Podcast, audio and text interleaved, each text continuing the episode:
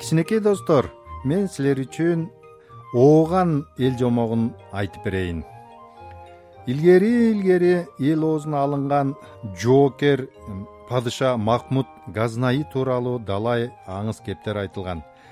Бир күнү ал факирден жердин ортосу кайда экенин билип бер деп сураптыр бул суроого жооп бере албаса анда анын башы алынаарын каардуу падыша эскерткен экен факирге. Факирдин тили байланып бул суроого жооп бере албай коет. Ага боору ооруган убазирлер мындай дешет. Улуу падышам газнайы бул адам бар болгону бир бечара кедей. Жер шаарынын ортосу кайда экенин бул кайдан билсин? Буга арабдар мыкты болот ошолордон суроо керек го деп ойлойбуз деп убазирлери падышага айткан экен. Газнилик падыша айтканынан кайтпаган адам болгон экен.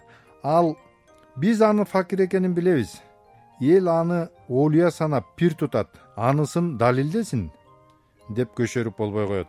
Факир болсо ал жерден башы шылкыйып көңүлү суз чыгат. Жер ортону кайда экенин жан адам билбейт экен. Аны көрүп кызы эмне болгонун атасынан сурайт. Каралдым дейт факир. Мен падышага эртең жердин ортосу кайда экенин айтпасам ал менин башымды алат факирдин кызы керемет сулуу да акылдуу да жан экен. Атасынын кулагына бирдемелерди шыбырады эле атасы күлүмсүрөп чыга келет.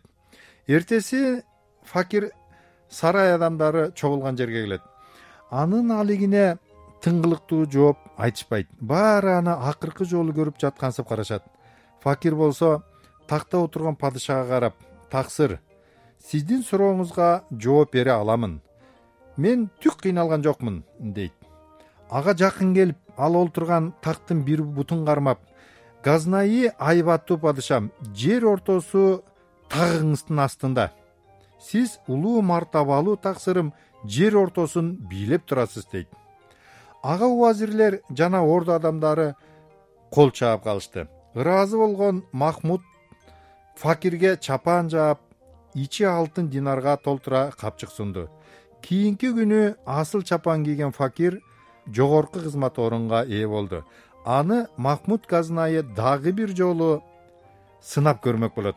Факирге карап билимпоздум сен бизге ак сарай жанында өсүп турган бак дарактардын жалбырактары канча экенин айтчы дейт. Бул жолу факир дароо жооп айтат. Таксырым жалбырак саны бир миң триллион. Эгерде күмөн санасаңар санап чыккыла деди. Жооп падышага жагат. Баары кайрадан кол чаап калышат. Ошондон тартып факир падышанын ишенимине кирип кайгысыз өмүр кечкен дешет жомокту окуган э, профессор алыбек акунов